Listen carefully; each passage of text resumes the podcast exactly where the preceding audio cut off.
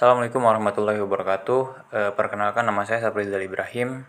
E, pada podcast kali ini merupakan pembahasan e, mata kuliah logika fazi atau fazi logic e, pada kelas teknik fisika. E, langsung saja kita ke pembahasannya. E, baik, e, kita mulai dari definisi. Logika fazi sendiri merupakan salah satu metode logika yang uh, penerapannya sudah cukup meluas saat ini uh, dibandingkan dengan uh, metode logika konvensional atau uh, boolean ya. Di mana pada logika boolean itu hanya ada dua state atau kondisi. Kalau tidak outputnya true false. Kalau tidak benar berarti salah. Kalau tidak hitam berarti putih Uh, sedangkan dalam uh, logika fuzzy uh, ada alternatif lain selain true or false. Jadi ada nilai di antara true or false, di antara 0 sampai 1. Ada nilai di antaranya. Uh, misal ketika kita mendefinisikan uh, keadaan suhu suatu ruang tidak hanya didefinisikan sebagai dingin dan panas sebagaimana dijelaskan pada logika konvensional pada logika fuzzy eh, bahasa yang digunakan lebih eh, natural dan mendekati bahasa yang kita gunakan sehari-hari. Eh, misal kondisi ruangnya itu sangat dingin dan itu bisa diwakili pada logika boolean dengan state 0. Pada logika fuzzy pun bisa diwakili dengan 0. Eh, namun ketika kondisi ruangan katakanlah agak hangat Nah, pada logika boolean kita tidak menemukan state itu karena hanya ada dingin dan panas. Tapi pada logika fuzzy kita bisa representasikan. Misal eh, dalam nilai antara 0 dan 1 agak hangat itu bisa kita representasikan dengan nilai 0,4. Eh, jadi eh, logika fuzzy lebih akomodatif dan mendekati bahasa kita sehari-hari soal pendefinisian nilai. Oleh karena e, definisi dan konsepnya yang lebih fleksibel dalam mengakomodir nilai-nilai atau dengan kata lain data-data, maka e, logika fazi ini penerapannya lebih luas dalam kehidupan sehari-hari. E, namun sebelum ke penerapan logika fazi, ada beberapa hal yang perlu kita pahami terlebih dahulu. E, di antaranya adalah e, variabel fazi yaitu variabel yang hendak dibahas dalam suatu sistem fazi. Uh, contohnya tadi seperti temperatur, uh, bisa juga umur dan lain sebagainya. Yang kedua ada himpunan fazi uh, yang merupakan suatu himpunan atau set dalam bahasa Inggrisnya yang mewakili suatu kondisi atau keadaan tertentu dalam suatu variabel. Uh, yang selanjutnya ada semesta pembicaraan yaitu keseluruhan nilai yang diperbolehkan untuk dioperasikan dalam suatu variabel fuzzy.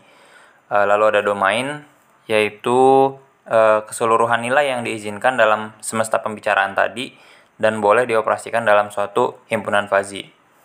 E, yang selanjutnya ada fungsi keanggotaan atau membership function, yaitu kurva yang menunjukkan pemetaan titik-titik input data ke dalam nilai keanggotaannya eh, atau sering disebut juga dengan derajat keanggotaan degree of membership yang mewakili interval antara 0 sampai 1 yang tadi sudah saya sebutkan. Eh, lalu salah satu cara eh, yang dapat digunakan untuk mendapatkan nilai keanggotaan atau apa namanya membership function itu adalah dengan melakukan pendekatan fungsi. Uh, selanjutnya yang perlu diketahui juga ada uh, istilah sistem inferensi fuzi atau fuzzy inference system yang mana merupakan metode penarikan kesimpulan dari uh, sekumpulan kaidah fuzzy.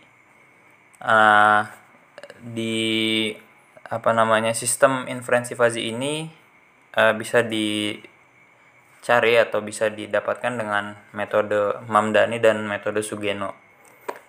Lalu dalam prosesnya uh, urutan proses pada sistem inferensi fuzzy ini dimulai dari input, lalu proses fazifikasi, lalu operasi fuzzy logic, uh, implikasi, lalu agregasi, lalu defusifikasi, lalu menghasilkan output yang diinginkan.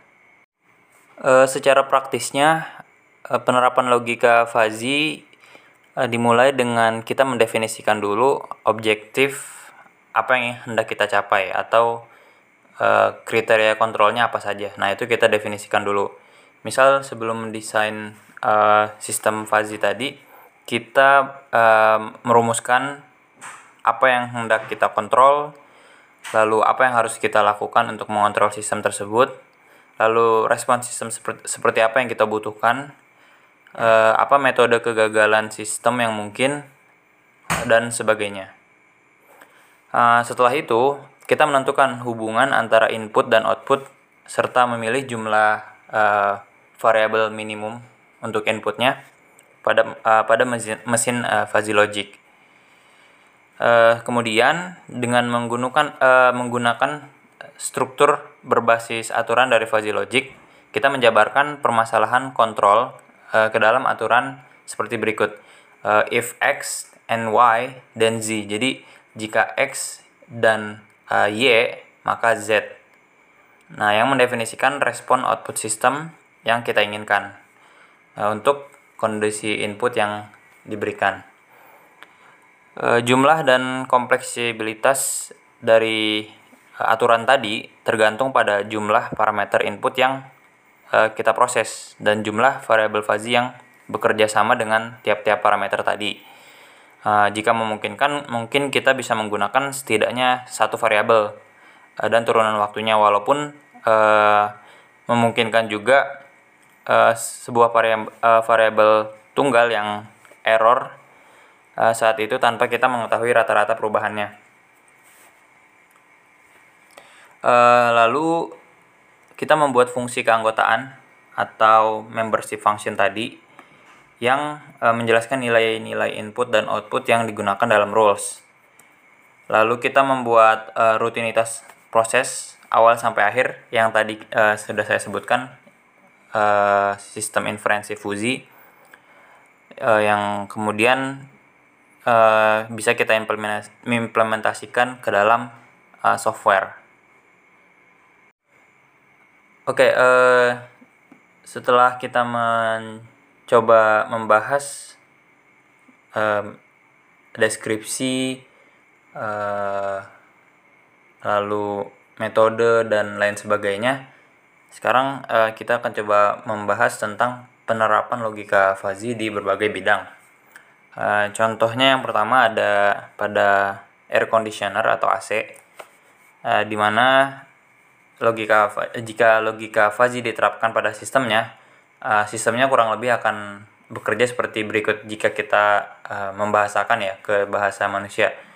Sistemnya akan bekerja seperti berikut. Uh, jika suhu udara semakin hangat, maka daya pendinginan akan naik sedikit.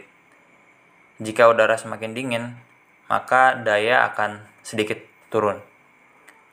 Nah, jadi seperti itu, uh, simple salah satu contoh simpelnya. Uh, apa keuntungannya dari penerapan logika fuzzy ini?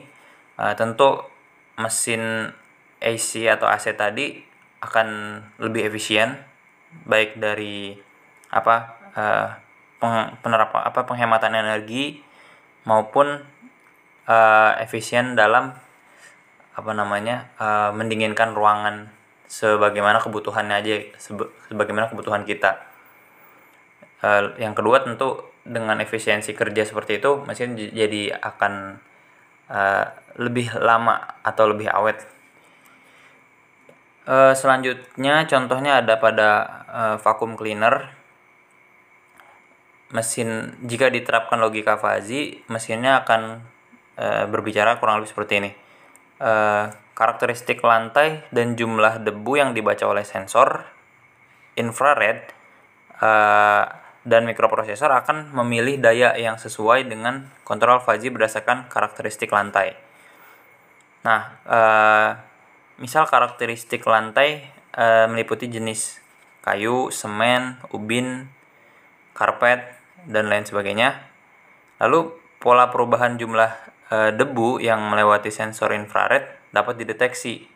Lalu mikroprosesor menetapkan pengaturan yang sesuai dengan vakum dan daya motor menggunakan skema kontrol fuzzy.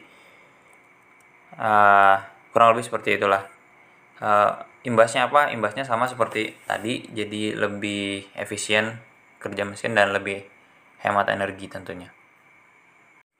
Uh, baik, uh, mungkin uh, segitu uh, yang bisa saya bahas pada podcast kali ini tentang uh, fuzzy logic atau logika fuzzy, uh, definisi, uh, karakteristik, komponen-komponen serta contoh penerapannya dalam kehidupan sehari-hari. Uh, mungkin masih banyak kekurangan dari pembahasan saya. Semoga ada yang bisa diambil dari penjelasan tentang logika fuzzy tersebut. Baik, dari saya mungkin cukup sekian. Kurang lebihnya mohon maaf. Assalamualaikum warahmatullahi wabarakatuh.